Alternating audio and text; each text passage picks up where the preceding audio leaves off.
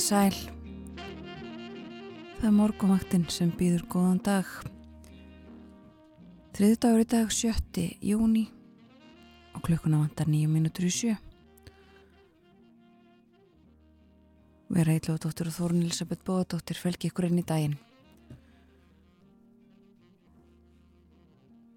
Og allt uh, með þokkalega kjörum kjörum sínist okkur veðrið mjög svipað og verið hefur síðustu mótna hér í höfuborginni skíjað alskíjað verið að segja segir í veður aðtjóðun 60 hiti og söðvestan 2 metrar á sekundu líka 60 hiti á Kvanneri og í Stikkishólmi skíjað hæg vestanátt og þryggjast eða hitti á Patricksferði klukkan 6 í morgun vestan 2 metrar á sekundu fjórast eða hitti í Bólungavík og sunnan 2 6 eða hitti á Hólmavík og hægur vindur. 6 eða hitti líka á Blöndósi og á Akureyri. Nánast lokn á Akureyri allskíjað 6 eða hitti já það var lokn á Húsavík. Í 6 eða hitta líka. 5 steg að hitti á Rauvarhöpp, suðvestan 4 metrar á sekundu þar klukkan 6 í morgun. 7 steg að hitti á Skeltingstöðum og 8 steg að hitti á Eilstöðum, allskíjað líka þar 2 metrar á sekundu sunnanátt. 8 steg að hitti á Höfni Hortnafjörði og á Kirkibæjaklustri. Hægur vindur 6 metrar á sekundu á Kirkibæjaklustri og líka 6 metrar á sekundu á Stórhauða í vestmanni vestanátt og 60 að hitti líka. Og einu sinni enn 60 að hitti í Árnesi, söðvestan 3 metrar á sekundu þar.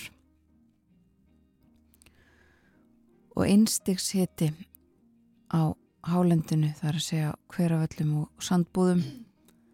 Það var lægsta hittastíð á landinu klukkan 6, hæsta hittastíð var á Kvískerjum á Söðusturlandi, nýju stöði hitti þar.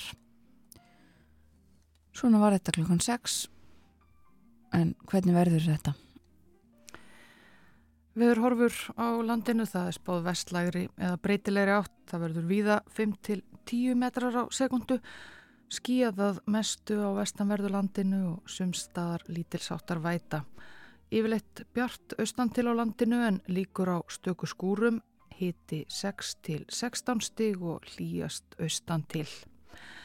Snýst svo í suðlega átt, 8 til 13, seint á morgun og fer að rigna vestanlands en hægari og yfirleitt bjart eistra, hitti 9 til 17 stig á morgun og hlýjast á norðausturlandi. Veðfræðingur veðstofu skrifar í morgunsárið að hæðin suður af landinu sem er búin að valda vestlægri átt eh, hér á landi undanfarið verður þar í nokkra daga í viðbútt Það bætir í úrkomu á vestanverðurlandinu frá miðvöggudagskvöldi fram að laugardeginum en á eftir kemur hæðin yfir landið og eh, er útlitt fyrir bjartviðri um mest allt landi nokkra daga. Þannig að, eh, já, úrkoma í kortunum. Einmitt það og um, alls konar framkvæmdir í gangi á landinu öllu á vegum.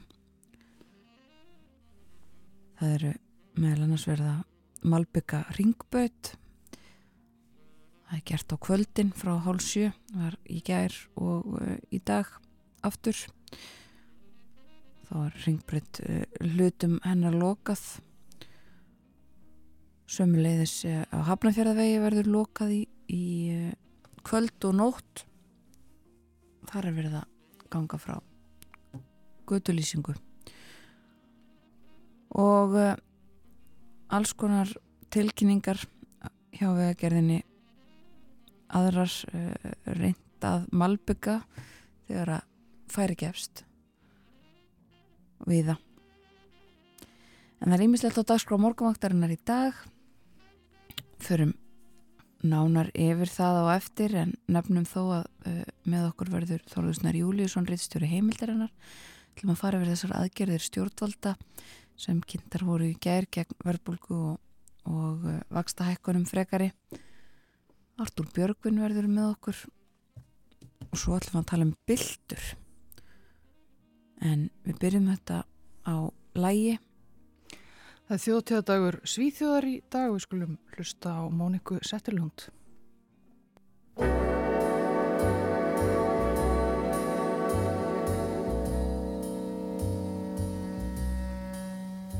Endast en gång såg jag den man. Mina ögon blev som förvända så som vinden gångade han Rask och orädd, säker att segra. Han såg på mig och han log. Han såg min ros och log. Sen han gångade mig förbi. Men han gångade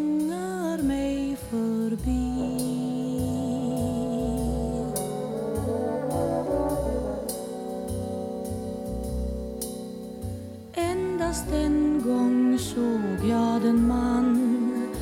Mina ögon blev som förvända Så som solen strålade han. All min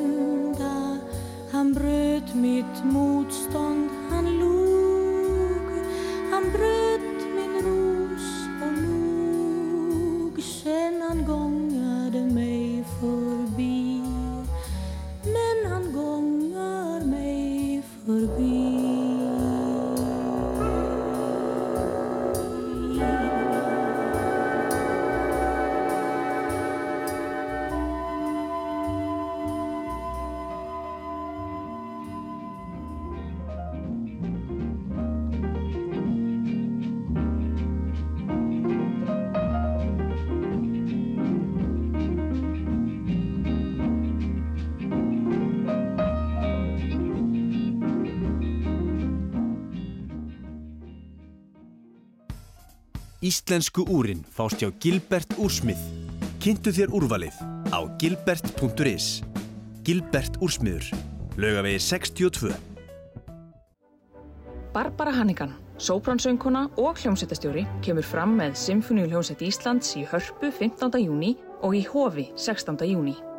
Einstök tónleika upplifun með einni skærustu stjórnu klassíska tónlistarheimsins. Tryggið ykkur miða. Symfóníuljómsveit Íslands.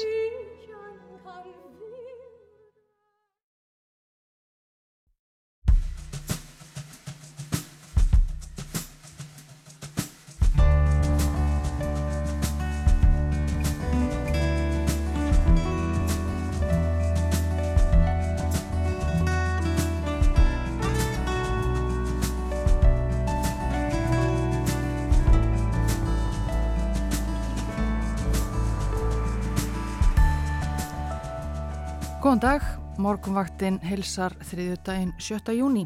Umsjón með þættinum í dag hafa Vera Ílóðdóttir og Þórun Elisabeth Bógadóttir. Á dagskráni þennan morgunin eru aðgerðir stjórnvalda til að sportna gegn verðbólgu, uppgangur þýskra hægri öfgamanna og byltur eldrafólks. Stjórnvöld kynntu í gær aðgerðir sínar til að vinna gegn verðbólgu og frekari hækkun vaksta.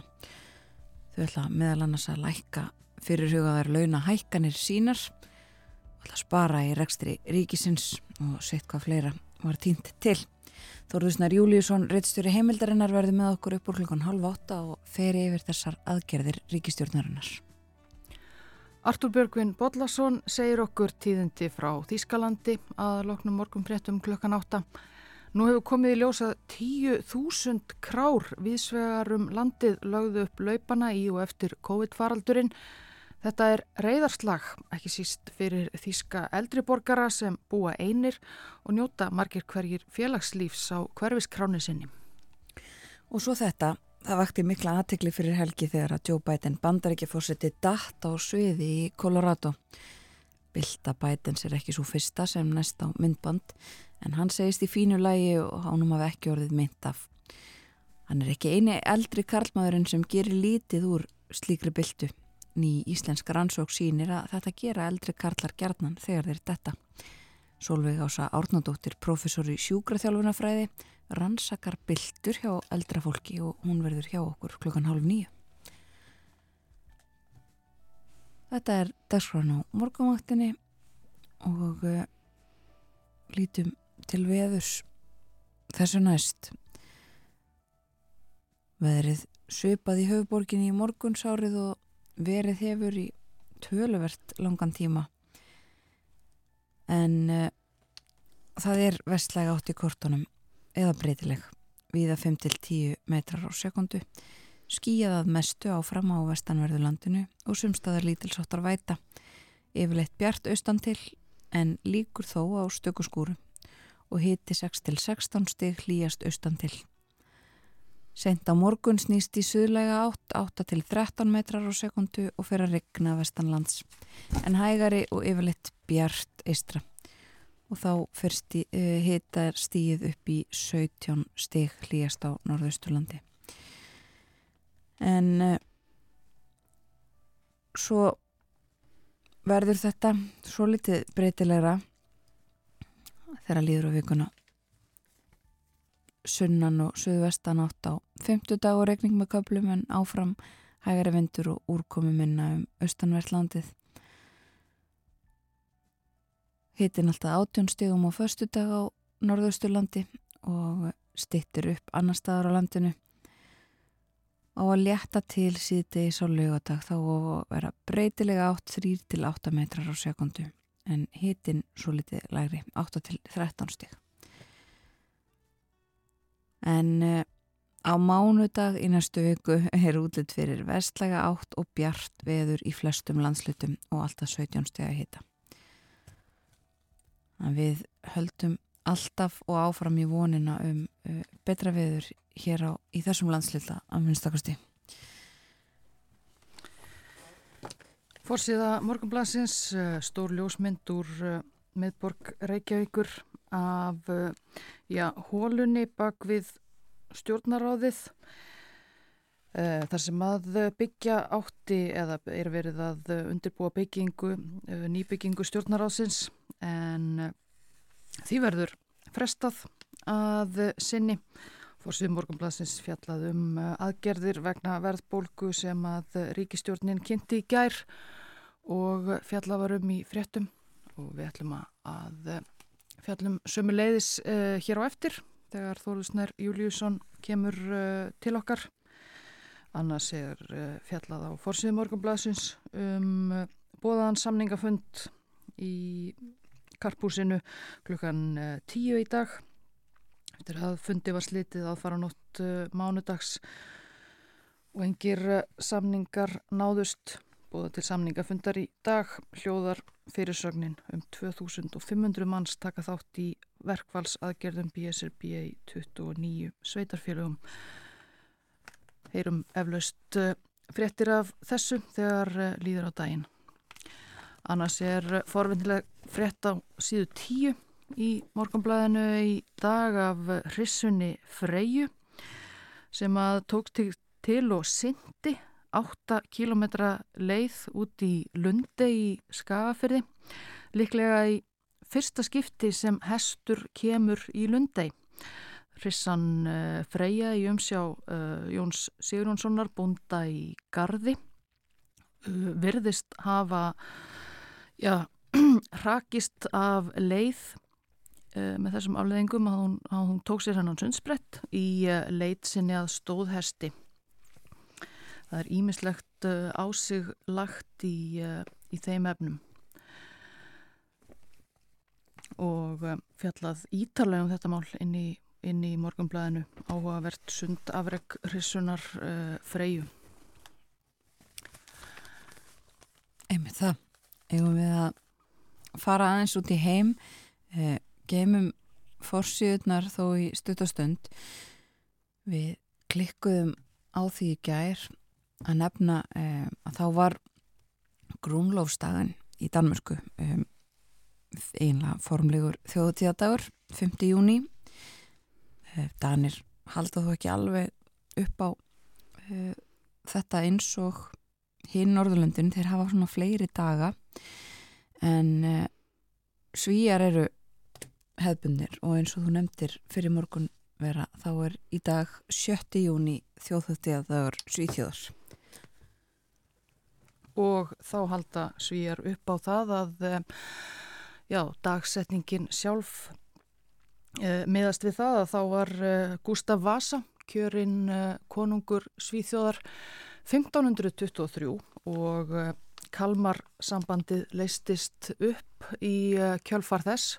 Þetta var 1523 þannig að það er ekki bara þjóðtíðadagur svíja heldur eru, eru, eru 500 ár uh, liðin frá uh, þessum, þessum mikla atbyrði og uh, við skulum hlýða á annað sænst lag. Það er pjánuleikarin Ján Jóhansson sem að flytur sænst þjóðlag einmitt um Gustaf Vasa.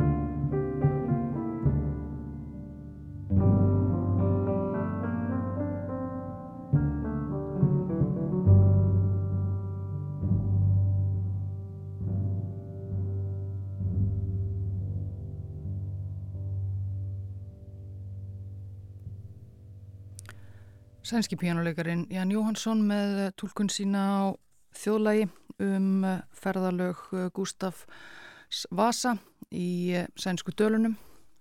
Flutti þarna. En eins og við vorum myndust á aðan þá er þjóðhættiða dagur svíja í dag og ekki nóg með það heldur uh, 500 ár frá þeim atbyrði 1523 að Gustaf Vasa var kjörinn konungur og Kalmar sambandið leistist upp reyndar ekki kannski nákvamlega 500 uh, ár því að uh, það hefur ímislegt breyst í Svíþjóð á þessum 500 árum meðal annars uh, það að svíjar hættu að notast við júlíanska tímatalið og fóru yfir í það gregorianska þannig að valdataka Gustafs Vasa var vist tæknilega séð samkvæmt okkar dagatali 16.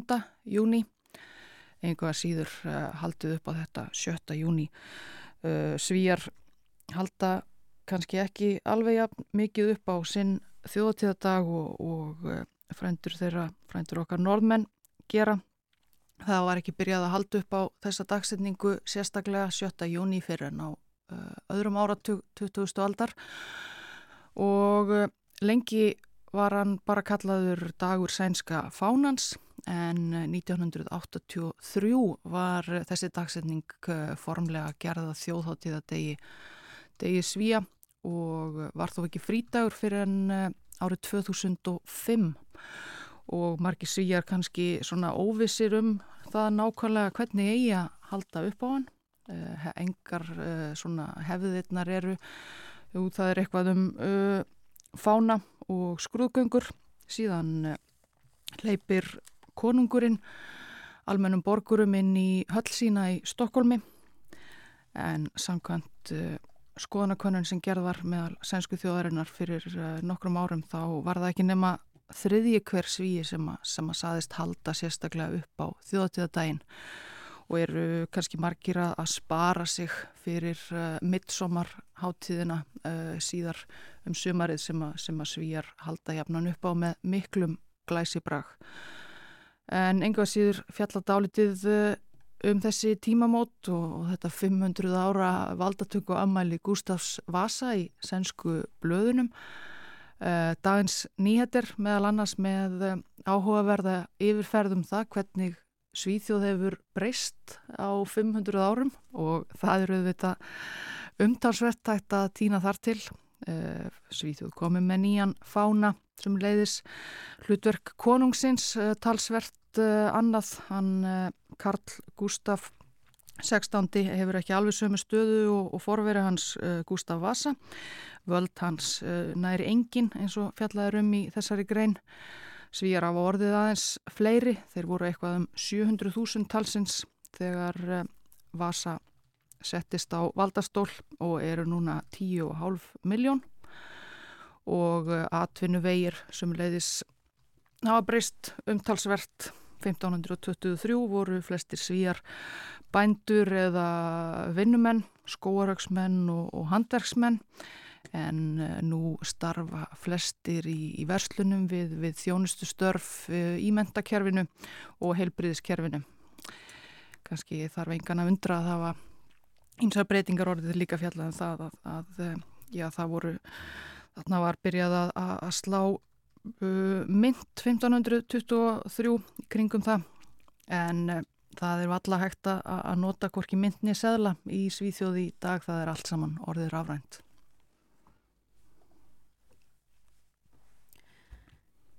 En uh, við skulum heyra annað sænst lag til þess að halda upp á, á þennan dag.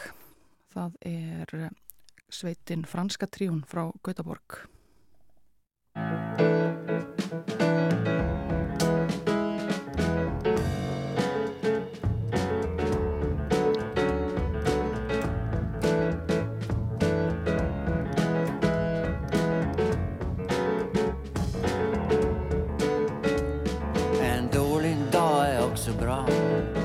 lär sig vad man inte alls vill ha. Priset det blir alltid lika högt. Om man låtsas leva fast man dött.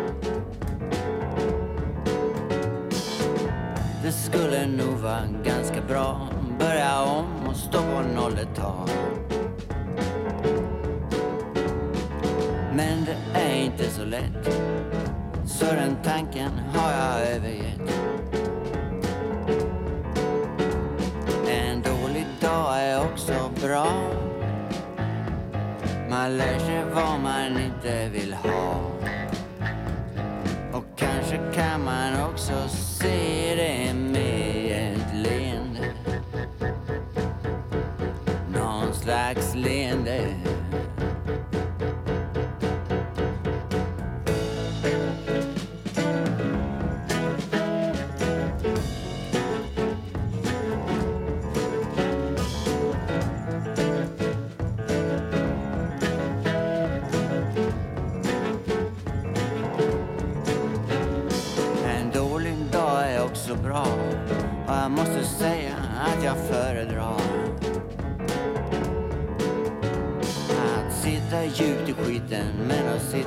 them is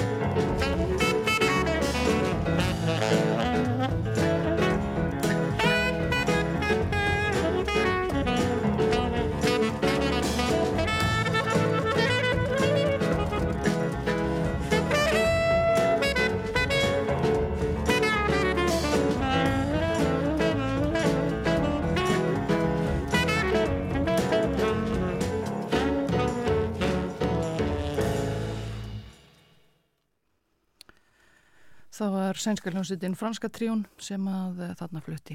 En dólig dag er også bra. Vondur dagur getur líka verið góður og eh, spilum sænska tónlist í tilöfni stjóðatíðadags Svíþjóðar.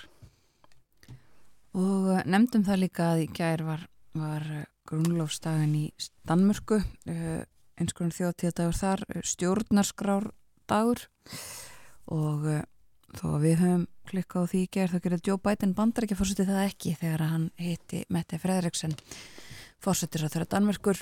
Hún mætti til Washington í Kvítahúsið og umfjallanir um hana og þau fund þeirra á fórsýðum uh, danskra fjölmela afslöpuð myndaðum á uh, fórsýðun á politíkan og frásögn af fundi þeirra blaðamaður politíkan fyllt eftir fórsýtisráðuranum til bandaríkjana og uh, þau rættu mikið um utaríkis og varnarmál uh, og sögðust bæði uh, búa svo undir enn þéttari og meiri samvinnu í þessum málum. Og rættu hitt og þetta. Sagt líka að Mette Freyriksson hafi þakkað Joe Biden fyrir sína já, uh, það að, að standa í stafni leiða áfram uh, bandaríkin frá evrópsku sjónamiði þá skipti það máli að hafa forsetta í bandaríkjónum sem að lætur sig varða þessi samskipti yfir Allandshafið. Þannig hafið það alltaf verið haft eftir Mette Freiriksen og uh, fór síðan á Informásjón í Danmörku líka er með umfjöldunum um uh, þýskaflokkin AFD sem að við ætlum að ræða um mitt hér á eftir við Artur Björgum Bodlason um, kannanir sem að benda til þess að, að sáflokkur sé eiginlega í stórsókn. Nú, uh, það eru þetta fleiri fréttir uh, sem tengjast bandaríkjunum. Mike Pence, fyrirverandi varafórsiti, tilkynnti í gæra hann ætli að uh, bjóða sér fram og reyna að verða uh, og hljóta útnefningu republikanaflokksins sem fórseta frambjóðandi þar. Bætist í hóp uh, fjölda annara sem að það hafa nú þegar gert. En stærstu fréttinnar utan úr heimi í morgunsárið eru þær að það var uh, það hefur brostið stíbla við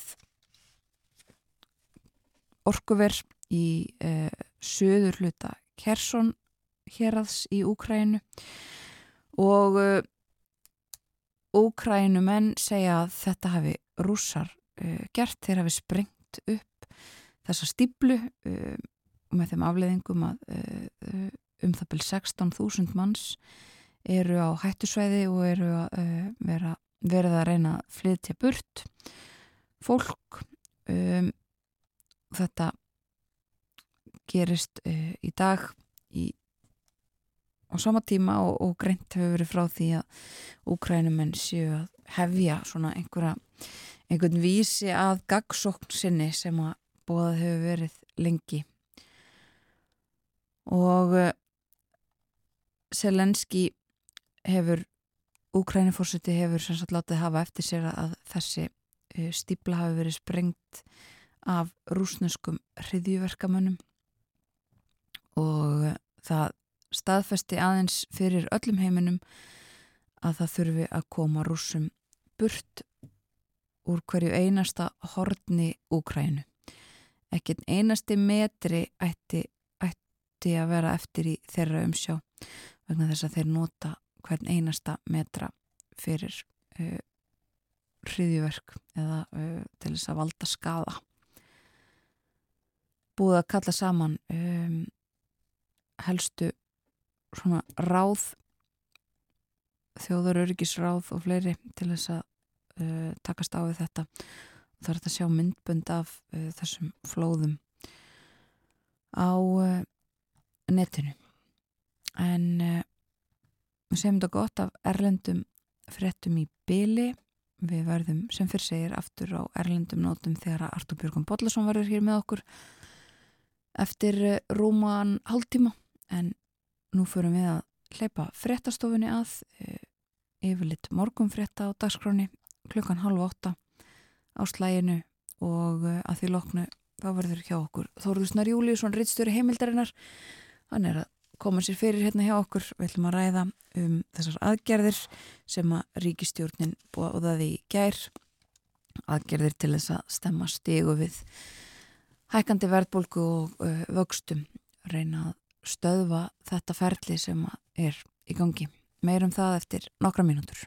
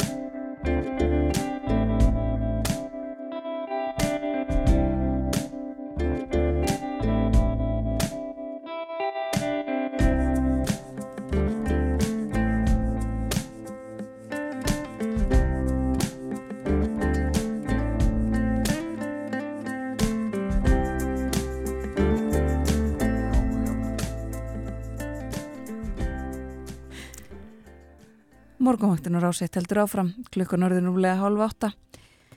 Það er þriðu dagur í dag, 7. júni. Og veðurhorfur á landinu í dag stutlega. Það er spáð vestlæri eða breytilegri átt uh, víða 5-10 metrar á sekundu. Það verður skíjaða mestu og vestanverðu landinu og sumstaðar lítilsáttar væta en yfirleitt bjart austan til á landinu þó líkur á stöku skúrum þar líka. Hitti 6 til 16 stíg og hlýjast austan til eins og verið hefur síðustu daga.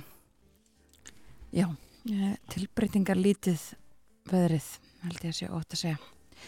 Við munum á það að hér á eftir uh, verður Artúr Björgum Bodlason með okkur eins og yðurlega á þriðutugum. Hann ætlar meðal annars að ræða um stjórnmólinn í Þýskalandi. Það er uh, ný skoðanakönnun sem bendir til þess að AFD hægri öfgaflokkurinn fengi jafn mikið fylgi og flokkur Sjóls kanslara SPD ef að gengi væri til þingkostninga nú. 18% atkvæða.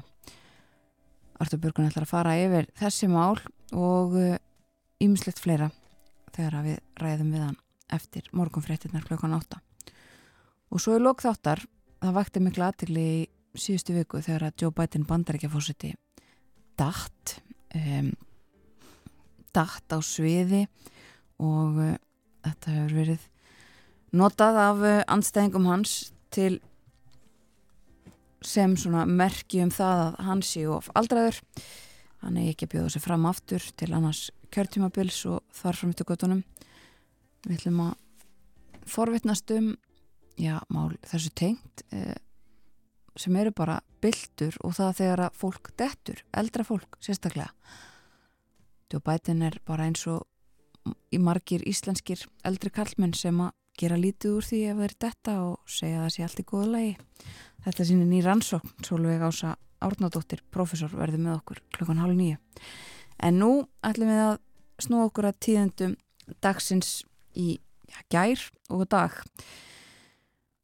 Þess hefur verið beðið að stjórnvöld kemur fram með aðgerðir til að stemma stígu við þróun efnahagsmála hér á landi og ekki mingaði þrýstingurinn þegar að frettir bárust af fyrirhugðum launahækkunum aðstu embættismanna landsins. Og í gær þá tilkynnti ríkistjórnin um fyrirætlanir sínar og við ætlum að fara svona í gegnum þessar bóðuðu aðgerðir til okkar komin Þóruðsnar Júlíusson, rittstjóri heimildarinnar. Góðan dag og velkomin Þóruður. Góðan dag. Ef ekki bara byrja á þessum launahækkunum sem að uh, ég hafi eiginlega bara allt orðið brjálað yfir eftir að þær komu í ljós uh, hvernig þær ættu að verða um næstu mánuðamót um, og það var tilkynnt um það að gera að, að þeim er þið breytt. Já, uh, nákvæmlega viku upp á dag eftir að fórstisarvara mætti í viðtal hér á Rúf og, og, og greindi frá því að tilstæði að hækka laun aðstu ennbætsmannum 6 til 6,3% samkvæmt útreikningum hagstofunar og að það stæði ekki til að koma í veg fyrir að hækkun nýrða veruleika og þetta er hækkun sem er ja, í krónum talið vel umfram uh, það þag sem hafi verið settar á flest allar launahækkanir sem samið hefur um til skamstíma til dæmis í þeim samningu sem voru gerðið almennamarkaðin hér í kringu síðustu áramót var sett þak á, þak á launahækkanir sem var 66.000 og, og þarna var mun meiri krónutöluhækkanir uh, að ræða. Var þetta ekki bara tvö og þreffalt í einhverju tilvægum? Vel það, já. Og meira það, já. Bara hérna miklar hækkanir út af því að þessi laun eru í grunninn mjög há. Fósættisráðara er með yfir 2,4 miljónir á mánu og þegar laun hennar myndu hækkum 6,3% þá auðvitað skila það miklu fleiri krónum en til dæmis ef að þeir sem eru með 450.000 á mánu myndu hækkum 6,3% svo vægt sé til orða tekið. Eh, þannig að vikur síðar var hérna, eftir að þátti alls ekki að falla frá þessum hækkunum þá er fallið frá þessum hækkunum að mestu leiti, það er að segja eh, laun aðstu embætsmanna verða hækkuðum 2,5% en ekki 6,3% og þá hefur búið að taka þessa reiknireglu sem var komið uh, inn í lög hérna 2019 til þess að ákvara launastu ennbatsmann á sambandi. Uh, og vantalega þar samþykja ykkur sértæk lög til þess að gera þetta.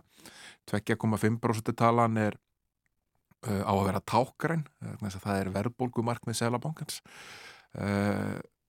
eitthvað hérna, já, við skulum bara láta vera að rína kannski nánar í, í, í, í það hversu hversu tákgrænt það er. Já, en, það, en hún þýðir líka er það ekki að þessi hækkun hún uh, fer undir þessi uh, mörg sem að, þessar, þetta hámark sem sett var. Hún gerir það að launfórsistráðara munu hækka um tæplega 62.000 þannig Já. að þá, þá kom undir þetta 66.000 krónumark mm -hmm. og laun annara uh, ráðamanna hækka minna sem aðri ráðherrar eru með aðeins læri launin fórsistráðara og þingmenn auðvitað með læri launin ráðherrar. Já. Þannig að hérna, uh, þetta verður þá uh, svona, þetta, þetta verður tekið tilbaka þessi, þessi hækkun sem var uh, fyrirhugð um næstu mánuðamót og, og sennilegast er að hérna að allan þessi 2,5% hækkun hún mun ekki jafn, valda jafn miklum uh, jafn, kalla á jafn mikil viðbröð og, og, og fyrri hækkunin hafði gert mm. síðustu daga Og þannig átt að tryggja á líka að tryggja að laun aðstu ennbætsmann að skapa ekki aukin verðbólgu þrýsting. Já, eh, maður klóra sér dálti í höstnum yfir þessari fulleringu vegna þess að þetta eru auðvitað eh, hérna, ekki dóraslega stór hópur eh, sem þetta á við um. Þannig að eh, heilt yfir myndi hann nú kannski ekki jafnvel þótt hann hafi tekið sína launahekkun heilt hérna, skapast líkan verðbólgu þrýsting en hérna allt í lagi, eh, margt smátt gerir eitt stótt Svo eru alls konar uh, uh, aðri hlutir týndið til í þessum aðgerða pakka um, sko, ég var að byrja kannski á húsnæðismólunum Við getum byrjað þar. Það er hérna uh, að vera bregðast við þetta miklu ástandi sem er á húsnæðismarkaði og bara enn og aftur og í mjög stuttum áli að rekja hvað er í gangi hérna. Við erum eh, svona doldið elda skottið okkar með félagslegt íbúakerfi vegna þess að félagslegt íbúakerfi var afnumið hér fyrir 25 áru síðan og markasvætt og á tímabili frá eh, 1998 til 2017 þá eh, fækkaði félagslegum íbúum helming á sama tíma og Íslandingum fjölgaðum já, yfir 70.000 73.000 þannig að hérna við erum Eh, að reyna að byggja upp félagslegt íbúakerfi á sama tíma Íslandi komur að fjölga hraðar en ja, nokkur, nokkur öðru þróuðu landi meðal annars vegna vakstær í ferðarþjónustu og svo leir eh, komur að fjölga núna um, um svona cirka þúsund á mánuði fyrir að uppa við síðasta ásvegna þess að það þarf að manna alla þessar stöður sem er að vera til í hækkerinu, hér voru til tíu þúsund störf á einu ári uh, til þess að keira aftur í gang ferðarþjónustuna og allt þetta setur mikinn þrýsting á, á húsnæðismarkað á sama tíma og það er háverbolga og erfitt að komast inn á lánamarkað vegna þess að skilurum hefur verið breytt og lánuð og mjög dýr og svo framvegs uh, þannig að hérna, staðan er þannig að eftirspunni er langt fram yfir frambóð á, á húsnæðismarkaði. Og uh, það sem á að gera uh, samkvæmt þessum tillögupakka sem var kynntur í gær uh, var að það eigi að tvöfaldar stoppframlög til uppbyggingar leigu íbúða innan svo kallar almenna íbúðakerfisins mm -hmm. almenna íbúðakerfið er kerfið það sem ríki og sveitafjölu leggja sitt að mörgum til þess að byggja upp uh, til þess að uh, leigufjölu sem er ekki hagnaðadrifin eins og bjarg og blær og annað slíkt geti byggt húsnaði fyrir teikjulæri hópa. Vandamálið við þetta er það að uh, byggingakostnaður er að hækka svo mikið að þessi félug er í vandraði með það að byggja. Þau hafa kvartaði því að lóðir sem eh, eru til staðar síðan höndum ja, eins og þau kalla braskara sem vilja græða vel á því ástandi sem er á markaðunum og, hérna, og sé því ekki svona tækt á þeim fósutur sem þau vilja byggja og sem miða þörfum þess hóp sem þau þurfa að þjóna. Um, að ráðast í mikla uppbyggingu á þessum tímum. Þannig að hérna Eh, þau eru eftir á með áfram nú þegar um, um uppbyggingu í almenna íbúðkernu hvernig það á að, hérna, að nýta tvöföldun og stoppframlöfum það þarf að útfarast með einhverjum frekar í hætti en var kynnt í þessum aðgera bakka í gær er þetta á að verða veruleika. Eh, eins og þetta horfið við manni núna þá á einfallega að, að tvöfalda framlag inn í eitthvað sem já, það er ekki verið að nýta öll framlöfum sem eru fyrir. Svo er hinplásturinn sem er svona settur á, á þetta söðusár er uh, tengis fyrir svo kvöldum hluteldarlánum uh, lán sem komu fyrst í franganda undir lokast 2020 og byggja á lögjöf sem heimalega ríkisjóði að gefa út lán til tekjulóra einstaklinga sem er að kaupa sína fyrstu íbúði eða hafa ekki átt íbúði fimm ár. Og hugmyndin er raunverulega svo að ríki gerist eitthvað svona meðfjórfestir í fastnæðakaupunum lánin eru vakstalauðs og, hérna, og geta numið alltaf 30% vaksta af kaupveri mm -hmm. um, aftur vandamálu við þetta er að það er þakk á því hvað íbúður mega kosta og hvernig þær eru, það eru að vera nýjar íbúður eða nýju uppgerðar íbúður til þess að falla uh, innan marka þessara lána.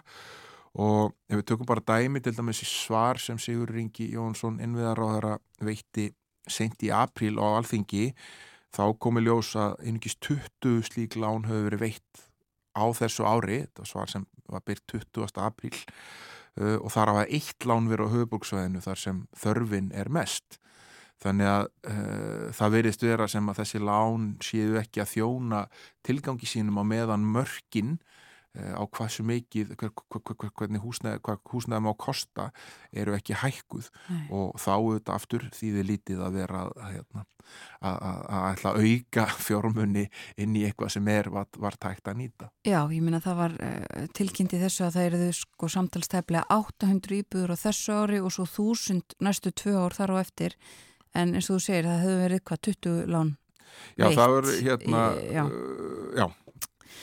Emitt og sko það eru þó uh, líka gerða breytingar er það ekki á, á, á fleiri hlutum sem að tengjast húsnæðismálum eins og uh, frítekjumark á húsnæðisbótum og, og slíkt sem að mun skipta máli fyrir fólk er það ekki? Eh, jú, það eru sko bæ, bæði uh, endur nýtt hérna gömul gamlar aðgerðir í, í þessari svona tilkynningarpakka uh, og hérna svona bætt aðeins í. Það eru hérna uh, það, það, frítikjumark er uh, hækkað og, og, og greiðslur til almannringa líka og aftur er þetta um þess að svona tákarennu tölu 2,5% og svo eru endur tekið hækkanir á þessum hlutum sem tóku gildi um síðustu áramót. Það er segja 7,4% hækkun á, á, á frítikjumarkinu að fyrir frítíkjumarki húsnæðisbóta og svo 7,4% hækkun á, á almandringum uh, annað tekur gildi frítíkjumarki verið hækkað núna frá miðju, eða fyrir ekki lífeyrir almandringa verið hækkað frá miðju þessu áren frítíkjumark húsnæðisbóta verður hækkað afturvirt frá áramótum. Þannig að þetta eru raunverulegar aðgerir sem skila peningum í rétta vasa mm. til uh, láta ekki hópa. Uh, en svona fljótt á liti er þetta kannski uh, ja, helstu að gera nærmest að kosti í þessum pakka sem eru raunverulega að fara að vikta inn í að styðja við þessa hópa eins og mm. staðan er í dag. En margir höfðu kallað eftir eh, líka eh, sko hækkunum á vakstabútum og badnabútum og það er ekkit slíkt í þessum pakka? Það er ekkit slíkt í þessum pakka og uh, svo er auðvitað aftur verið að hérna Uh, svona, daldið að endur taka ímislegt sem uh, var kynnt í tengslum við fimm ára fjármála áallun ríkistjórnarinnar þegar hún var sett fram í lok mars. Það hefur verið að bóða að, hérna, að draga úr fjárfestingum og það er endur tekið aftur í þessum lovarboka nú er ekki að byggja við byggingu við stjórnaráðið og, og samhæfinga með stöð björgunaræðila eh, sem var þegar búið að tilkynna að ætti að gera. Eh, það er talað um höfna gjaldtöku á ferðarþjónustu og hún er ekkit útfærð, alveg sem hún var ekkit útfærð í lok mars eða fimm ára fjármála áallunin var kynnt. Það er endur tekið það að það er að hækka Eh, álögur á eh, fiskildisfyrirtæki eða þá sem er í eldisgeiranum eh, árið 2025 og það var búið að tilkynna um það. Það er hérna klifað á því að að, hérna, að það er að hækka veiðigjald á uh, stærri samþættar útgerir uh, á fjármála áallunar tímabilinu og það er reynda nýtt, það kemur fram þarna í fjartirkýringu svona byrti gæri að, að, að það sé gert ráð fyrir því að það skili 13 miljardum í viðbóta tekjur á, á tíma áallunar og það er þá um svona, já, cirka 2,6 miljardar króna meðaltali á hverju þeirra fimm ára sem hún nær til.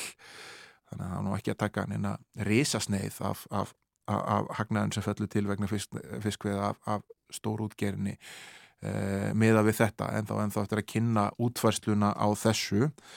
Eh, svo er bara margt aðna sem er já, mjög lóðið og útfært. Að, að Eh, þarna er í vilir um að vinna að lagabreitingum sem munum bæta réttastöðu leyenda á húsnæðismarkaði og þá er eitthvað starfsópar að skila tilögum það um næstu mánagamót og þetta getur þá mögulega verið eitthvað skona leigubremsa eins og við verið kallað á Já. eða ekki, maður veitur það ekki alveg uh, dólti skrítið að tilkynna þetta með svona mána fyrirvara uh, vegna þess að þá auðvitað gætu líka leigusalar brúðist við og hækka leigu áður en að þetta tekur allt saman gildi.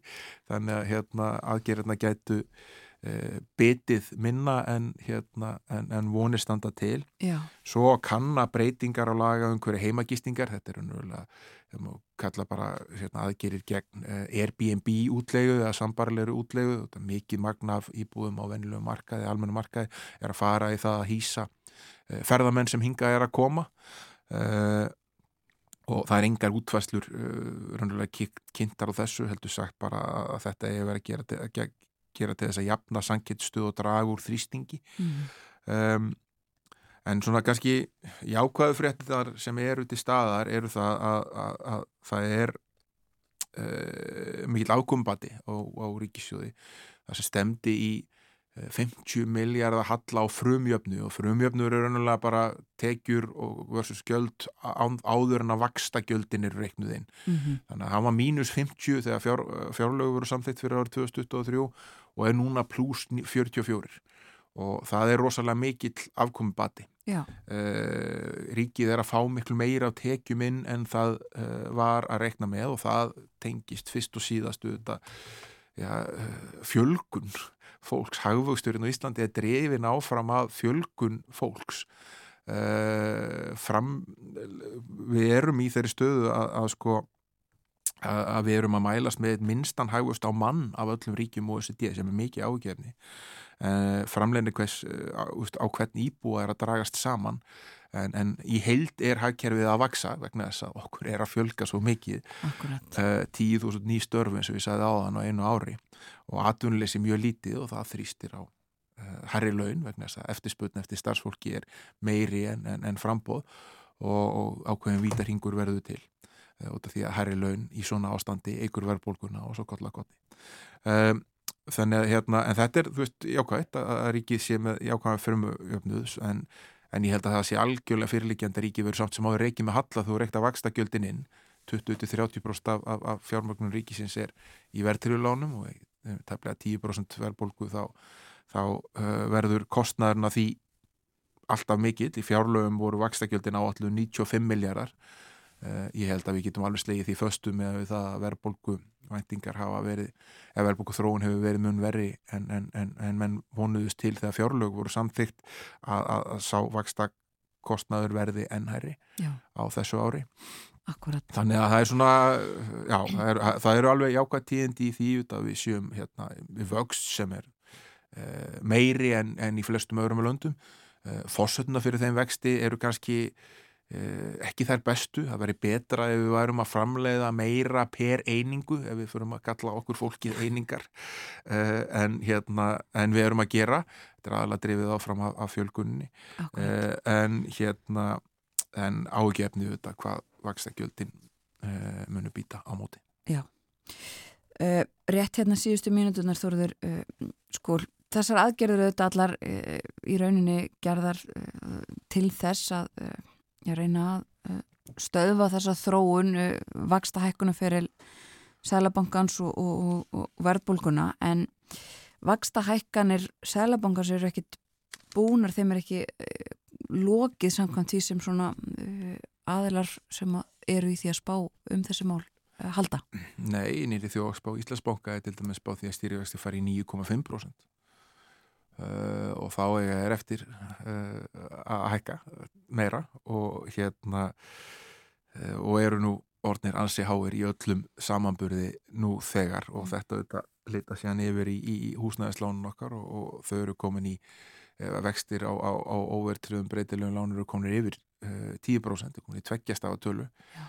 og greiðslipur í mörgum tilfellum búin að vel rúmlega tvöfaldast og þá er eðlert líka að líta í kringum sig og skoða hvernig staðan er annar staðar og, og við gerum það um, um nýleið hérna á heimildinni að, að við skoðum hvernig e, þetta umhverju er í færium færingar eru svona, við erum svona sjöfalt fleina þau e, og margt svipað í aðunlefinu, mikið í, í, í hérna, sjárótvegi og fiskeldi e, vaksandi í ferðarþjónustu þótt þessu ekki með ferðarþjónustu sem svona hérna, stóðgrein eins og við erum með hana og uh, sá samanburður leiti ljósa að, færingar er að borga helmingilari vexti en Íslendingar. Uh, þeir geta það þrátt fyrir að vera þetta mun færri og stóra ástæðan fyrir því að mati eins bankastjórans í færiðum er bara einfallega gældmiðlin Eh, færeiska krónan færingar eru ekki Europsamöndun en, en þeir eru fastir við dönsku krónar sem er föst við efruna og þá er stöðuleikir ekki með fljótandi gjaldmiðl um, og uh, það gerir það verkum að í síðustu viku þeir reyndar hafa hækkað uh, síðan mun minna en þeir hafa gert á Íslandi voru uh, vextir á húsnæðislánum í færiðum undir 5% þannig að hérna Uh, á meðan þeir voru hérna á Íslandi alltaf 9,3% og nú komur þeir í 10% uh, og þetta uh, eins og ég segi er, er, er ástæðan. Við erum auðvitað með okkar eigin gjaldmiðil sem sveiplast upp og niður og það gerir það verkum að við aðmati þessa bankastjóra í færum að við séum ekki í færum til þess að bjóða sambærileg kjör á húsnæðislánum og frændur okkar í verðum. Um þetta loka orðin í dag Þóruðsnæður Júliusson Ritstjóri Himmeldarinnar kæra þakki fyrir komina.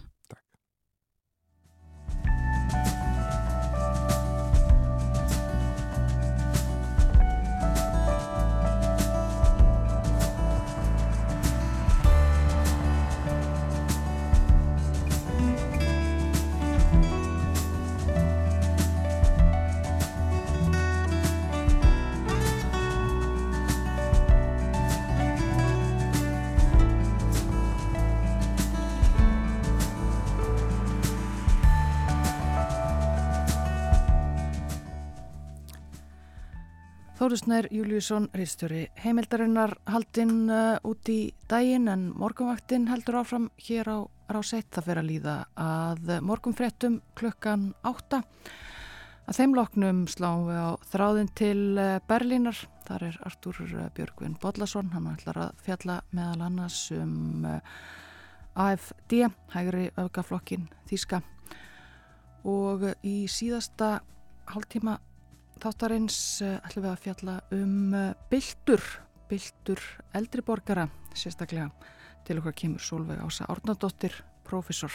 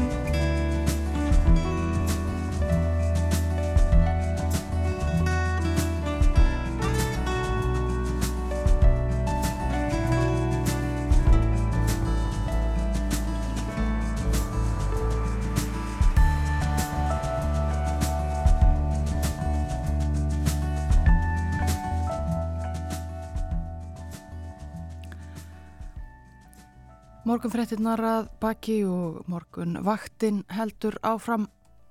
Klukkan er tæpar 6 mínútur gengin í nýju. Þennan þriðutasmorgun það er 7. júni.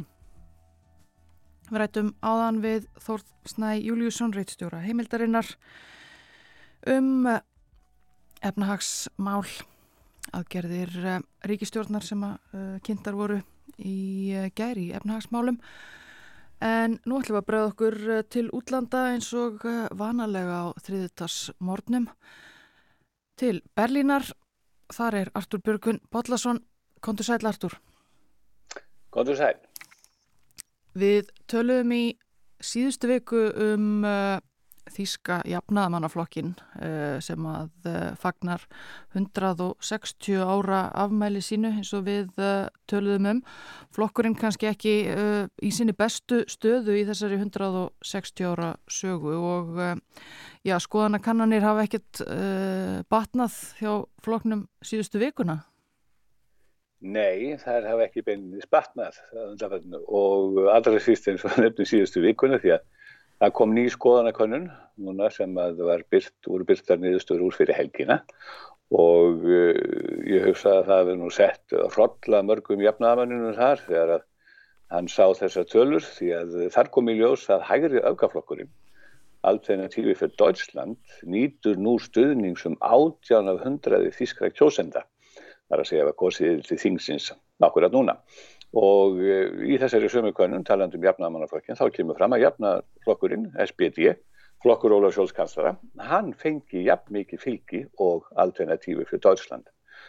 Og eh, þetta eru auðvitað svolítið hrodlevikja fyrir jafnamenn og sömulegis á síndu niðurstöðu konunarinn er að, að fylgi, fylgi hefur beilinus hrunið af græningum sem að sitja í stjórn með jafnamennum og, og þriði stjórnaflokkurinn frálsýttdemokrater, þeir ríða nú heldur ekki feitum hesti inn í sömarið og það er eiginlega sko mm, samdóma álít allra fréttaskýrenda hér að þess að niðurstöðu séu mjög alvarlega hættumerki og uh, séu skýr svona vittnesbyrður um að það sé eitthvað mikið að í þýskum stjórnmálum enganlega í, í starfi ríkistjórnarinnar og það er sko vægast sagt uggvanlegt svo ekki sér dýpar í árunni tekið það að flokkur sem að stendur lent og ljóst fyrir hluti eins og fasisma og hatur og útendingum skulle njóta hilli næstum 15 þýskuðu þjóðarinnar. Og e, það má kannski bæta því að þetta eru tölur sem eiga við landið allt þar að segja Þýskaland svert e, því að þegar þessa niðurstöru skoða nána þá kemur í ljósað í einstöku fylgjum enganlega austan megin svo sem í Saxlandi og í Þýringalandi eins og Tjúringen hefur stundu verið þýtt þá uh, myndu um 30-100 kjósenda greiða alternatífi fyrir Deutschland þessum öfgaflokki aðkvæði sitt ef það var í gengilu kostninga núna. Og uh, þetta er ekki bara förðulegt heldur uh, mjög óvinkendi í augum margra eða flesta sem er fylgjast með þýskum stjórnmálum. En uh, þetta er starrend og það er bara sko menn velta því fyrir sig hvaða er sem veldur þessari miklu uppsveiflu hægri öfgaaflana hér í Þýskalandi þessar, þessi miserinn og og uh, flestir eru sammálu um að uh, með því að lýsa yfir stuðningi við hennan ja, hálffasíska flokk má segja sem er alveg íst á hægri vagnum og þá séu kjósendur að senda, kjósendur að senda þísku ríkistjórnini langt nef. Það er það sem að menn telja líklegust ástæðana fyrir þessu og, og þeir vilja bara, kjósendur vilja láta ljósi megna óanöðu með ástandið og stjórnarheimilinu og það er ákvarðanir eða öllu heldur uh, það er, uh, já, það er ákvarðanir sem að það er að verið teknað eða kannski öllu heldur uh, ekki verið teknað undan þetta vikur og mánuðu og, og þar ber nú að ríkindum hæst þegar að hort er á ástandi í Þýsku ríkistjórnunu það er, er hatrama deilur stjórnaflokkarna um það hvernig þjóðverðar er að skipta úr brennslu jarðefna yfir í vistvæna orkugefa þegar það kemur upp ytun húsa hér í Þýskarandi og Habeck var að kanslari og leiðtói græninga sem að fer með umhverjusmálinn í Ríkistjórn Scholz. Hann hefur lagt fram tilöðurum að þetta gerist með mjög skjótum hætti á næstu árum uh, og tilöðun gerir af því að þýskir húsegjendur verða að koma sér upp uh, nýjum miðstöðum, nýjum miðstöðarterfum sem séu knúin áfram af uh, vistvætni orku og ég hef nú, nú segjað það að þetta er ekki alveg deginu ljósara hvernig þetta á að gerast en, en ekki kannski þetta tíund að það nákvæmlega hvernig þessu orku skipti eða líta út en þá hefur greinlega þá ótti gripu um sig meðal almennings að allt, sko, venjulegt launafólk eigi þeirra uppestæði sjálft að borga brúsan þar að segja, þegna þeirra að borga brúsan og, og að orkuskiptin sem að hugmyndir hafi skýrir að fyrir uh, munum hreinlega fyrir að borgast úr vörum, vörsum almennings og uh, þarna hefur reyndar eitthvað mikið misfarist ef að marka má orð græninga og Habeck sjálfs og margir svona glöggir frétta rínar þeir benda á að ástæðan fyrir þessum illa bifur sem að tjósendur vilast hafa á hugmyndum Habex og græningi af morgunskiptin sé svo að það hef ekki tekist að koma bóðum, réttum bóðum til almenning til landinu. Almenningur hafi fengið mjög mísvítast í skilabóðum það hvernig kostnæðurinn muni skiptast á milli almennina notenda og, og hins ofinbæra og í þessu sambandi hafa reynda sko frjálsið demokrater uh, verið að hella ólí á eldin því þeir hafa gaggrínt uh, þessar hugmyndir Habex um orkuskipti ofinbærlega að mikil, uh, miklum krafti. Og svo mitt í þessum pólitíska slag þá komum við aftur að að jafnaða mönnum uh, mitt í þessum pólitíska slag og mitt í stjórnaflokkan að tvekja sittur svo Scholz kanslari og fórustu maður jafnaða manna sem hefur ekki tekist að bera neinn klæði á vopnin. Og það er sem sagt, má segja, mjög sundruð og neikvæð mynda þísku ríkistjórnir sem blasir við þískum kjósendur þessa dagana. Og uh, þegar málum er svona háttar þá er ekkert óeirið þetta að kjósendur láti gremju sína í ljósi með því að krossa við AFD alternatífi fyrir Deutschland í skoðanakonum en það Já. Já, þannig að það er uh, talið að þetta, svona, þetta vaksandi fylgi sé kannski meira mótmæla uh, fylgi heldur en endilega að, að þýska þjóðin sé að flikjast bak við uh, stefnum á flokksins endilega. Ég held að það, já, ég held að það sé alveg á hreinu og, og ef við sko lítum á því að nefna stefnum á flokksins þá má við kannski nefna að uh, að því að alternatífið Dórsland er ekki meina að skýra stefni yfir leitt.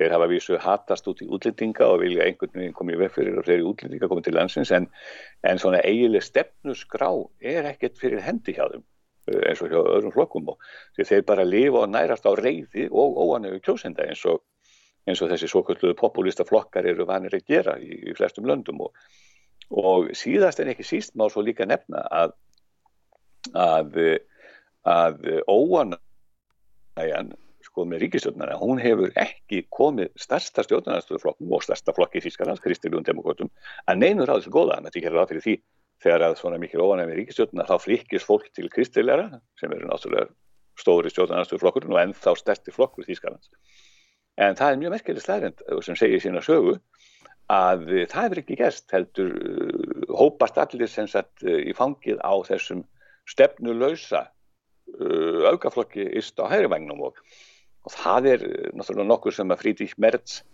formáðu kristilega demokrater auðvitað ekki sérstaklega ánæða með og hefur verið svolítið vandræðar í viðtölum út af en, en, en það er bara sannleikurinn að, að, að sá að hann er ekki sérstaklega vinsastjórnmálamæður og við lifum nú einu sinni á fjölmiðla og samskiptamiðla öll og uh, vinsæltir fórustum hann hafa mikið að segja. Það er bara þannig með uh, sko þegar það kemur að fylgja flokkana og uh, hann bara mælist alltaf gríðarlega óvinsall í öllum konunum og, og uh, honum hefur ekki tekist að ná þessum óanægu atkvæðum til sín og svo hafa þeir svo sem ekki verið með, með nógu skýra stefnu heldur og nógu miklar mótvæðis eða, eða tilur og nógu skýra mótvæðis það gerir við það sem að ríkistjórnum hefur ekki tekist að, að, að klára. Við höldum áfram að fylgjast með þessu en Artur Björgvin, þú ætlar að eh, ég segja okkur aðrar frettir, kannski ekki heldur mikla gleði frettir frá Þýskalandi. Þetta, þetta fyrir að vera mjög sorglegur morgun hjá okkur í 1 en, en það er nú kannski ekki þó ja, alvarleg, já, alvarleg þó. Uh, það er svona að taka fram að, að, að það er frettir nú vekjan og sásat hrifningu hjá mörgum sem er ekki hrifnir af því fyrirbæri sem um er að en uh, það er endur svo að krám allstofum og þessum ljótu króm eins og Haldur Lagsnes kallaði á þessum tíma, þeim hefur verið að fækka hér í Þískalandi uh, verulega undanfærin ár. Og þessi fækkun hún uh, reyndar uh, var löngu byrjuð áður en að heimsfaraldurinn skall á í byrjun ásins 2020 hins vegar eru það bara orðasönnu að uh, krám, þýskum krám hafi hríðfækkað í faraldurinn og eftir faraldurinn og fyrir þá sem eru nú uh, hreifnir af tölfræði svona í morgunsára þá maður nefna að árið 2014 þá voru rúmlega 31.600 öllstofur í Þískalandi og sjö árum setna 2021 fyrir tveimur árum þá var þessi tala komin niður í 19.200 og uh, það er talið að, að mest fækkun, mest af fækkun norðir sem sagt eins og ég segi á, uh, á tímum faraldusins og samkvæmt upplýsingur og veitinga og gistuhúsa samtöku Þískarlands að þá lögðu uh, liðilega 10.000 öllkrár eða knæpur upp laupanna í faraldinu sem var alveg gríðar við eins sem er að sagt. Og, uh, og uh, það er enda eins og ég segi það átti þessi hnignum kráamenningar en þessi hún á sér tölvöld langan aðræðanda þegar að það var eitt af því sem gerðist það náttúrulega og það var auðvitað eins og við varum að búast þegar komið var á reykingabanni á veitingahúsum og krám hér í Þískalandi eins og í mörgum löndum öðrum árið 2008 þá má segja svona að hafi hallað svolítið undan fæti fyrir hverfiskránum. Og þá er ég að tala um þessar hverfiskrár, þessar litlu krár og götuhónum í hverfónum þar sem fólk kom saman og hittist. Og reykingabanni var að bæta líðhelsu þjóðarinnar en var til þess að krám fækkaði töluvert. En samt sem aður ekki eins mikið. Ég var að lesa það einhvers staðar í viðtali við, við fólk sem hafði reytið svona krára að eh, kráar eigendur þeir fóru svona fimmlega í kringum þessar reglur og til dæmis mann ég eftir því að sjálfur var ég þá í, í Frankúst og uh, hverfið skráin okkar á hotninu þessum við byggum að, að hún sá við þessu heldur vertin sem var uppgjafa ballerína öldru ballerína, alveg dálsamlega kona e, svona mamma kráarinnar eins og margir þekkir sem hafa búið hér úti, það voru alltaf einhverjar mömmur eða pappar sem að mömmuðu og pöppuðu séstina en þessi á geta koma hún, hún sem sagt var með krá sem var innan við 75 fermentur á stærn og þær krá fengu undan þá þessum voru svona litlar og seldu ekki mat.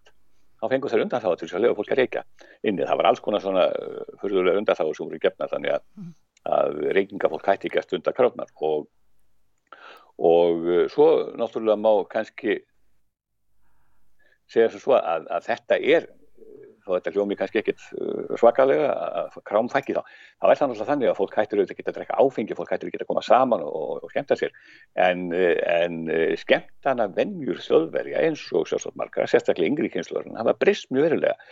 Og ég held að sé enginn sem að fyrir gráðgötur um að, að samskipta miðlarnir og þessi nýja stafræna þessi digitaliseringa þessi, þessi hérna, stafræna öll sem við lífum á, hún hafi haft sitt að segja Já, fólk er einfallega meira með sjálfsvíseldur en það var áður og, og svo náttúrulega yngsta kynslunar hér, maður hefur tekið eftir því bara orðið var við það svona í sinu megin, sinu eigin næsta umhverfi að unga fólki, það hefur ekkit áhuga krám, það vil fara á svona það sem er kallað hipp og cool bari sem þurfa að vera flottir og, og glæsilega innrættar og svona, þannig að þessi gamlu lúnu kráarborð og þessir diskar sem að dónaður himdu við eins og sér í hverðinu horfum það að það hefur ekkert sérstaklega mikið aðdastar lengur og, og uh, það er bara þannig að lífsvenjurinn hafa breyst og það hefur líka orðið til þess á samt faraldum að fækka þessum stöðum. En svo mónu kannski nefna að, að svona svo beðum okkur í pílíti sögulegt gerfi að, að þessi þetta orð knæpa eins og með knæpi á þýskunni það má reykja alveg aftur til átjöndu aldar og, og miðan 19. öld var þetta orð nota fyrst og fremst fyrir öllstofu stúdenda þetta var náttúrulega verið hálfgeir stúdendaheimil í gegnum tíðin eða samkomustæði stúdenda líka. En það er bara liðin tíð, þeir kom ekki lengur inn á krafnar og, og fyrir þá sem hafa gaman á orðsifja fræði þá má kannski nefna að eh, orðið eh, knæpa eða knæpi er myndað af sögninni knæpen í mið alltaf þýsku sem að þýtti að íta þjætt saman. Og það er mjög skiljanlegur upprunni þegar við höfum í huga að þessar öllstofur þjöppuðu fólkinu saman þarna satt fólk saman og, og naut nálaður og samveru og, og þar voru allir jafnir. Og þetta er, er það ákveðin menning sem er að hverfa. Emið það. Og uh, við ætlum að heyra eitt lag henni hérna í lokin sem að, sem að tengist uh, þessu, Emið Já, heldur betur, því klæni knæpi og endalega með Pítur Alexander. Og það er einmitt sungið um litlu krána á hodninu þar sem að fólk kemur eftir vinnu og sest niður og fær sér einn knævar eitt ölsopa og, og, og, og náttúrulega þar sem allir eru jafnum engi spyrði að því hverju þú sér, hvað þú komir eða hvað þú eigir. Og það eru allir per dú þar að segja það súast allir. Og þetta er afskaplega merkilegt fyrirbæri eins og hann syngur þarna um því að þetta bara sínir andrúrslóttis er ríkt á þessum krám. Og þetta er eiginlega núna er að verða söngur til menningar sem er á undanhaldu er að hverfa. Emið það, þakka þið fyrir eh, spjallið í dag við læðum þessu lægi á fónin Takk fyrir Artur Björgvin Bollarsson. Takk sem við leiðis.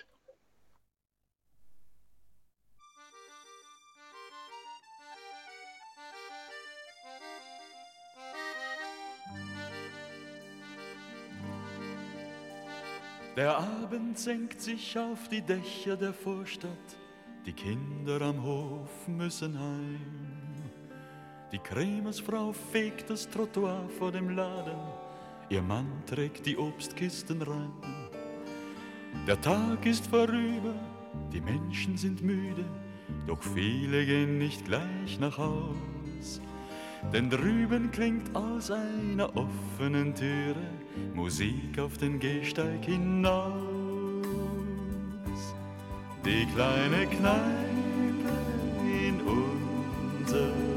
Straße, da wo das Leben noch lebenswert ist, dort in der Kneipe in unserer Straße, da fragt dich keiner, was du hast oder bist.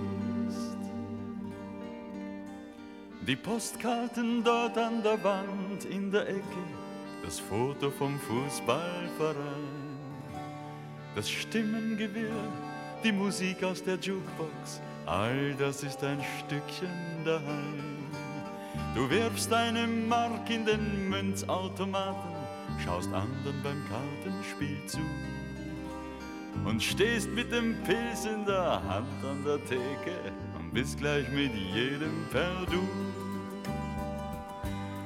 Die kleine Kneipe in unserer Straße, da wo das Leben noch lebenswert ist, dort in der Kneipe in unserer Straße, da fragt dich keiner, was du hast oder bist. Man redet sich heiß und spricht sich von der Seele, was einem die Laune vergeht. Bei Korn und bei Bier findet mancher die Lösung für alle Probleme der Welt. Wer Hunger hat, der bestellt Würstchen mit Kraut, weil es andere Speisen nicht gibt. Die Rechnung, die steht auf dem Bierdeckel drauf, doch beim Wirt hier hat jeder Kredit. Die kleine Kneipe in unserer Straße, da wo das Leben noch lebenswert ist.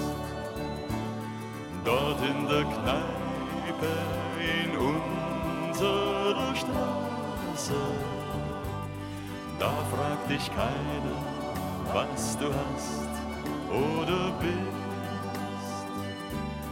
Die kleine Kneipe in unserer Straße, da wo das Leben noch lebenswert ist. Dort in der Kneipe in unserer Straße, da fragt dich keiner, was du hast oder bist.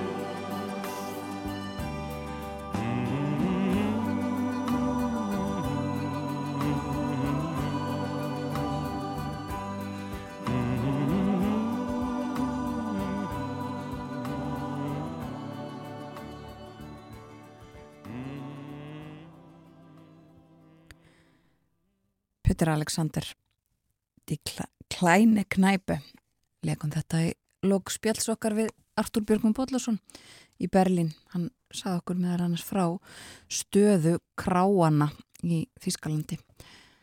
10.000 krám og rúmlega það lokað eh, um Þískaland og ástæðan er eh, COVID-faraldurinn og lokanir og eh, þetta er vandamál eh, vegna þess að ekki síst eru krárnar félagslegt fyrirbæri. Margt eldra fólk sem að líka uh, meðal annara kemur þangað og ásitt félagslíf þar. Við förum að leipa frettastofunni að uh, yfirleitt morgun fretta og svo snúum við aftur með síðasta hluta morgunvattarinnar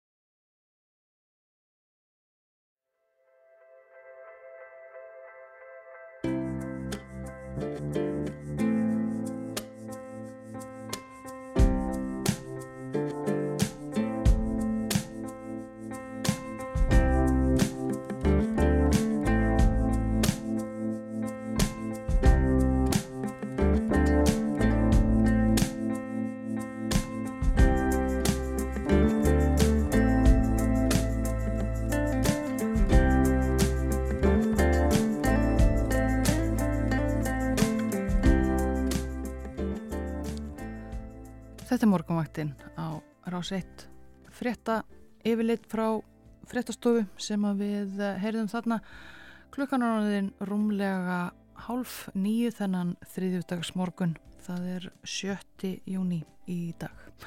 Og morgunvaktinn verður eh, með okkur, með ykkur fram að næsta fréttatíma klukkan nýju síðasti hálftími þáttarins. Já. Og við höfum rætt ímislegt í morgun, rættum um uh, aðgerðir ríkistjórnarinnar í efnahagsmálum við Þórsna Júliusson, rittstjóra heimildarinnar og svo rættum við ímislegt við uh, Artur Björgum Bodlason í Berlínar spjalli uh, stjórnmál og lókun kráa. Krár eru félagslegt fyrirbæri þó þeir séu líklega frekar í Þískalandi heldur en hér á Íslandi en ekki síst við eldra fólk sem að jafnvel býr eitt og uh, fær félags, félagskap og, og félagslíf sitt á hverfiskráni og því hafa menn áhyggjur af því að þeim sé að loka, þær séu að loka í, í svona stórum stíl. En uh, næstu mínutunar ætlum við að ræða uh, já, lauslega tengt með við kannski segja mál Það vakti mikla aðtikli fyrir helgi þegar að Joe Biden bandaríkjafósiti dætt á sviði í Colorado. Hann rasaði held ég um sandpoka og uh, þetta er ekki fyrsta sinn sem að svona bylta uh, Bidens næst á myndband. Hann hefur uh, líka rasaði stiga og fleira og alltaf verða þetta stór fréttir. Hann er og segist vera í fínulagi og hann hafa ekki orðið neitt mynd af en uh, hann er ekki eini eldri karlmaðurinn sem gerir lítið úr svona atveki það sýnir uh, íslensk rannsókn og fleiri rannsóknir. Solveig Ása Árnadóttir er profesor í sjúgreðalunafræði hjá við Háskóla Íslands og hún rannsakar byldur hjá eldra fólki. Hún er komin ykkar til okkar á morgunvaktina. Velkomin og góðan dag. Takk hjá það fyrir góðan dag. Sko, Solveig, fólk á öllum aldrei dettur auðvitað. Eh, það er ekkit alltaf neitt stór mál. Við dettum líklega öll bara svona frekar reglulega eða hrösum. Er það ekki? Algjörlega, algjörlega. Það er nefnilega býðsna flókið að halda sér uppréttum í rauninni. Þó að svona í flestum tilföllum þurfum við ekki að hugsa mikið um það e, ef vel er. En það að glíma við þingdakraftin og ná að reyfa sig og ekki ná með það heldur hugsa og og gera kallar á gríðarlega flókiferli og stundum bara fara hlutinni þannig að við endum á jörðinni Já. og það hafa náttúrulega allir dóttið. Það er nú bara einfallega þannig. Já, það er bara þannig og sama á hvaða aldrei við erum e, mm. þá dettum við, hvort sem er einmitt hrösum um sandpoka eða eitthvað annað. Mm. E, en afleðingarnar getur verri eftir því sem við eldumst, er það ekki? Svo sannarlega og það er ástæðan fyrir því að að það í raunin er rætt meira um þessi mál og þau eru oft tengd við eldri einstaklinga er það að það er á þeim aldri sem að líkunar aukast á því að afleðingarnar verði alvarlegar mm. og uh, byltunum fjölgar, það er svona ákveðin hætt á því og þetta með afleðingarnar til dæmis eins og að fólk slasir sig illabrotni e, eða lendi því að lifa við einhvers slags föllun í kjölfarbyltunar að líkunar á því aukast. Já, ég var aðeins, ég, sko, aðeins að fara ofan í það mitt hvað það er sem að verður, af hverju þetta, er það, er það bara jafnvægi skinnið, er það, eh, hvað er það sem að veldur því að þetta gerist oftar eftir því sem við eldumst? Ef ég fæði að byrja á því að, að fá því aðeins með mér inn í rauninni hva, hvaða er þegar, þegar við höldum jafnvægi, mm -hmm. þá er það í rauninni alltaf samspila því hvað við erum að gera ef við hugsaum um það, við sitjum hérna kyrrar og það er ekkit mikil hægt á að við séum að þetta, en í hvernig umhverfi, hvað er umhverfi mikil áskorun eða augrandi og síðan kemur það náttúrulega að því hvernig ég er. Og þá er það líkamlegt ástand og það er hugurinn og, og hvernig þetta allt sem mann vinnur saman. Mm. og það er vissulega þannig að með háumaldri að þá aukast líkunar á því að í rauninni að ég sé með einhverslags breytingar sem gera það verkum að ég sé ekki alveg eins flink við að halda mér uppi og kannski eigi er vera með að bregða snögt við ef eitthvað óvænt kemur upp á mm eða vera í umhverjus aðstæðan sem eru augrandi og svo framvegis. Já, akkurat. Sko, um, þú rannsakar eins og ég nefndi í kynningunni, byltur eldra fólks. Um, segðu mér bara okkur aðeins frá uh, þessum rannsóknum. Já, um, það er nú svo sem, svo sem ég hef svo sem komið inn á þessi mál af og á í þó nokkuð mörg ár. Um, til að byrja með það voru það rannsóknum sem ég var að gera fyrir norðan og uh, í rauninni þar sem að fókusin var á eldra fólk sem að bjóða á norðausturlandi og mér var svo sem mikið í mun á samt félögum mínum að ná sérstaklega inn eldra fólki sem bjóði dreifbili líka þar sem að aðstæður geta verið meira augrandi Já. og kannski aðeins stremnara líka að fá ímiðskona þjónustu. Um, núna nýlega, eða fyrir svona um það byrjum tveim árum síðan, fekk ég styrk frá Rannsóknarsjóðu Háskóla Íslands og þá tók ég svona vissuleiti upp þráðin aftur og uh, fór það í rauninni meira að rína í byltunar og fekk til liðs með mig eins og til uh, nú þegar hafa fjórir mestaranemar í sjúkraþjálfun komið að þessu verkefni. Meðal annars að e, í rauninni hafa þær í rauninni rínt í gögg frá öryggismiðstöðinni, já fólki sem er með bildunapp eða öryggisnapp segið og eins líka að taka viðtöl við eldri borgara já. sem að hafa lendið í að detta, að hlusta á reynslusögur. Einmitt, því það lítur að vera uh, svolítið flókið að ná utanum svona lagað um, sama kannski ákvaða aldrei verum við munum ekkert endilega eftir öllum þeim skiptum sem við höfum dottið, við getum ekki talaða upp uh, hvað við höfum dottið ofta á einhverju tímabili eða, eða munum það ekki og kannski viljum ekki segja frá því eða hvernig, hvernig er þetta? Jú, einmitt. Um, það eru reynda til tölur eins og alþjóðlega þá er talað um að jafna því að þeir sem eru orðnir 65 ára og eldri að um það byrð þriðjöngur þeirra detti einu svona ári að minnstakosti og síðan aftur um það byrð þriðjöngur þeirra sem dettur oftar en einu sinni. Mm.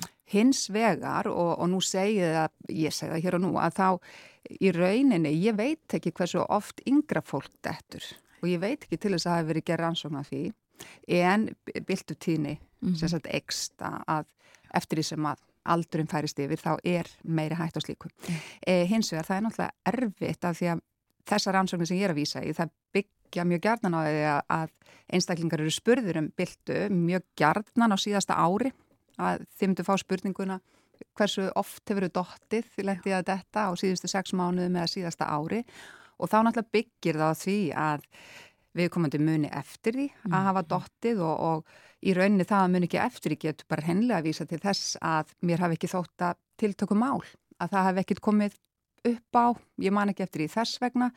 E, það er líka vita að sumir vilja ekki segja frá og það getur tengst til dæmis því að vilja halda í sjálfstæði sitt. E, eldri einstaklingar hafa lendi því að að þeim finnst óþarfa forræðishyggju ef fólk veit að því að, að þau eru að detta e, svo dæmi sér nefnd og líka bara það er þessi skömm og enn og aftur eins og ummannunar aðilar sem að kannski hafa lendi því að einhver hafi dotti á þeirra vakt, það er ekkit endilega vist, það getur verið óþægilegt að segja frá því.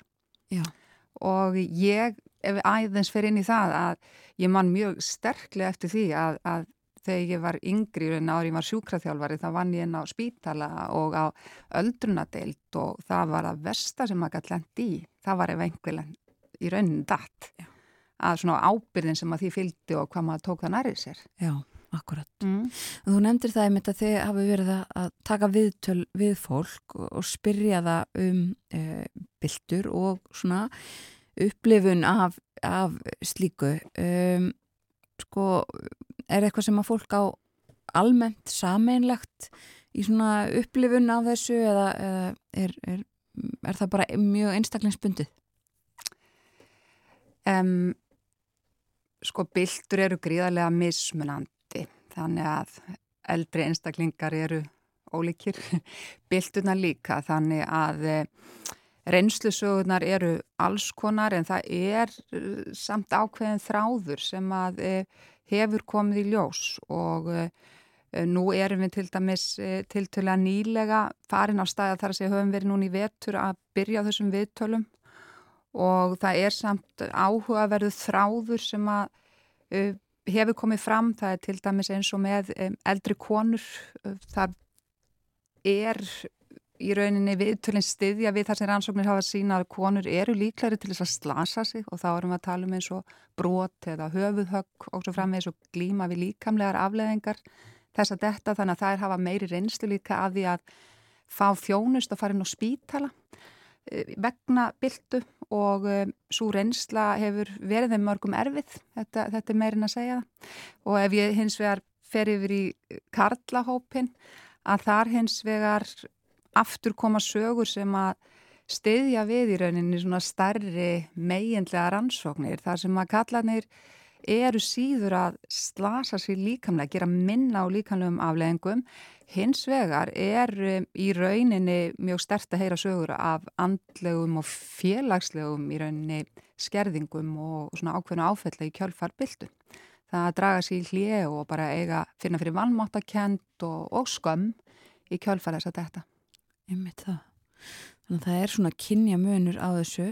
Um, er, er sko hafið skoðað líka eitthvað ástæðunar við töluðum þetta í byrjunum sko bara svona það sem er í líkamannum uh, getur orðið til þess aðstæðunar og fleira uh, líkamlegt atgerfi en um, er ykkur í fleiri þættir sem koma að nynni og til dæmis uh, bara einhverjar aðstæður inn á heimilum eða tími dags eða er eitthvað svona fleira í þessu sem að, sem að þegar við uh, séð. Já, í, og nú vísa ég kannski aftur í ennþá starri rannsóknir sem eru alþjóðlegar og sem að því að við erum, sem er samanlegt má segja að er að þetta aftur að halda sér uppréttum er svo flókið að það, það er í rauninni ótillendur hlutur sem geta dottið þar inn í.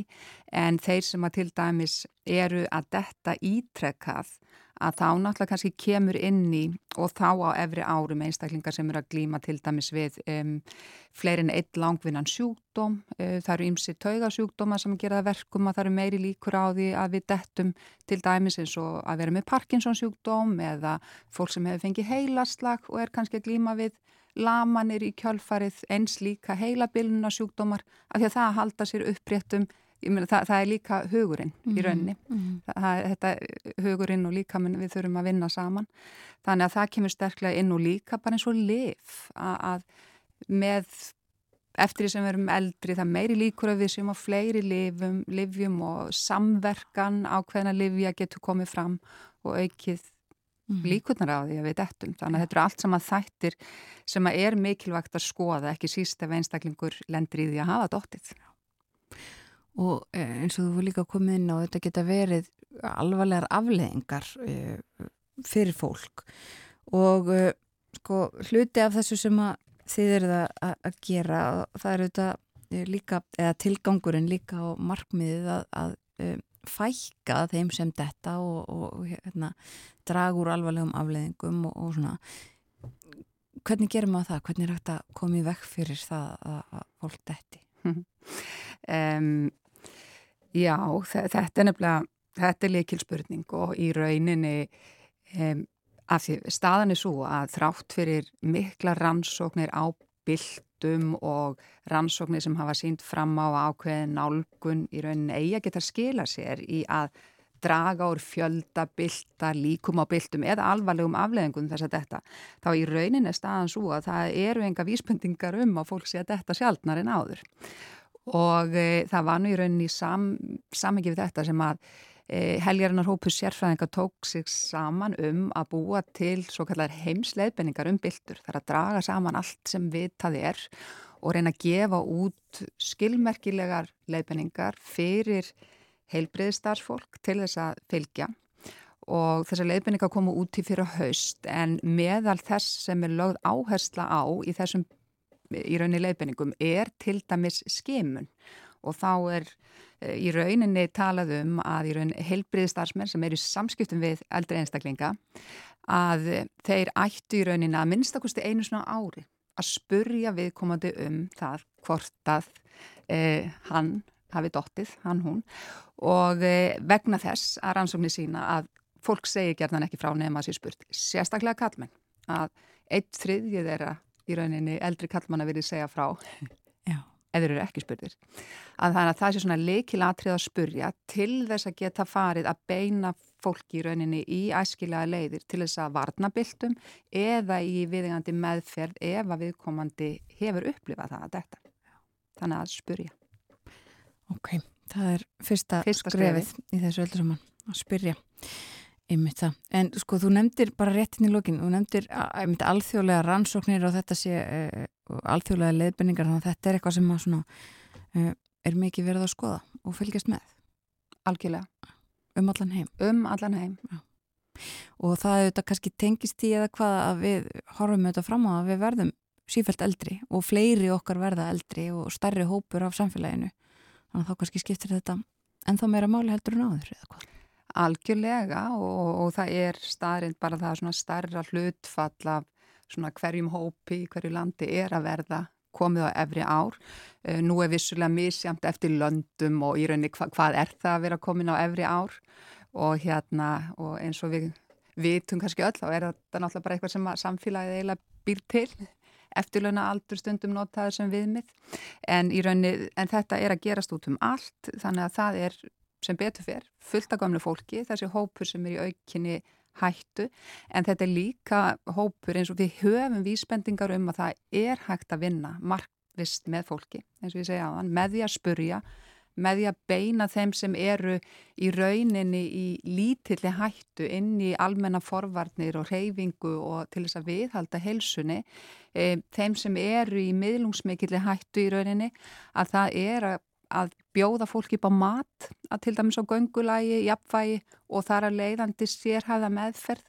Og það eru náttúrulega margi sjúkraþjálfara til dæmis sem er að vinna á því sviði en svo er það enn og aftur, það er hópur sem að hefur verið að detta ítrekkað, er til dæmis með undirleikjandi sjúkdóma sem, e, sem virkilega í rauninni þarf á því að halda að það sé í rauninni fjölþætt mat og íhlutun þar sem að margir koma að í mhm. rauninni mm. til þess að í rauninni það sem að af því að það þarf að horfa hvern og einstakling til þess að vel á að vera. Já. Og það vantar upp á þetta? Um, það, er, það vantar upp á samhafðar aðgerðir í rauninu og þessu sé virkilega fyllt eftir. Margir, ef við erum að tala um innan heilbriðiskerfi sem er með þessa þekkingu en það er sérstaklega þetta að taka höndum saman um þetta sem er gert á skiplaða mata. Já einmitt það. Látum það vera loka orðin. Takk fyrir að koma til okkar á morgavaktina Solveig Ása Átnadóttir, professor í sjúkurþjálfunafræði við Háskóla Íslands. Takk fyrir mig.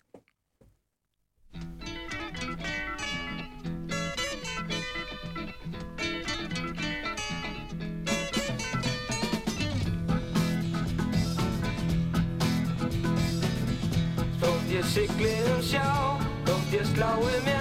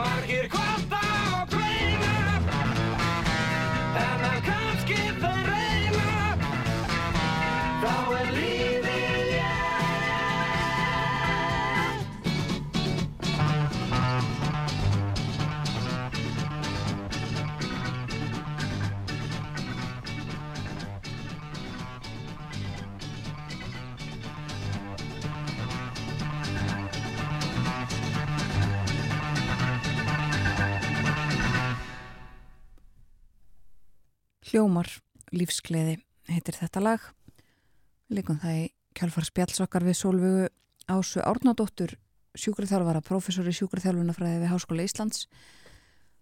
Við vorum að tala um byltur eldra fólks og eh, tilefnið ekki síst uh, Joe Biden, bandarækjafósiti, sem er áttræður og datt á sviði í síðustu viku og það vakti heimsatilli og ekki fyrsta sinn sem að svo er hægt að ja, andstæðingar hans eh, nota þetta gegn honum en Solveig var nú á því að það hefðu flestir dottið við þessar aðstæður allavega í síðustu viku. Dartum sandpoka þarna á, á sviði. Já, og ekki, ekki tengt aldrei eða neinu slíku en uh, hún rannsakar byltur eldra fólks uh, sérstaklega og uh, talaði þarna í lokin við okkur um mikilvægi þessa sinna forvörnum og reyna að koma í veg fyrir uh, og, og fælka því að fólk detti vegna þess að það getur auðvitað haft mjög alvarlegar afleðingar í förmið sér líkamlegar en, en líka andlegar. Og uh, hún rannsakar þetta sem sagt ásand fleirum í Háskóla Íslands. Við hefum fjallað um þýskmálefni og uh, efnahagsmál líka í morgun. Nefnum kannski aðeins það að það er fundur á alþingi í dag. Hann hefst klukkan hálf tvö. Þetta er síðasta vika þingfunda að samkvæmt starfsáallun og uh, 15 mála á dagskráni þarf auðvitað að taka einhver þessara mála sem að uh, stjórnvöld kynntu í gær efnahags aðgerðir til umfyllunar þar líka. En fundur í dag að mest að kosti þar og, og nokkra nefndir sem að funda líka. Áður en kemur á þingfundi. Við segjum þetta gott í byli um, setið hér frá því fyrir klokkan 7 í morgun vera Ílluadóttir og Þórun Elisabeth Bóadóttir og verðum hér aftur í fyrramálið á sama tíma, sama stað. Þakkum samfélgina í dag, verið sæl.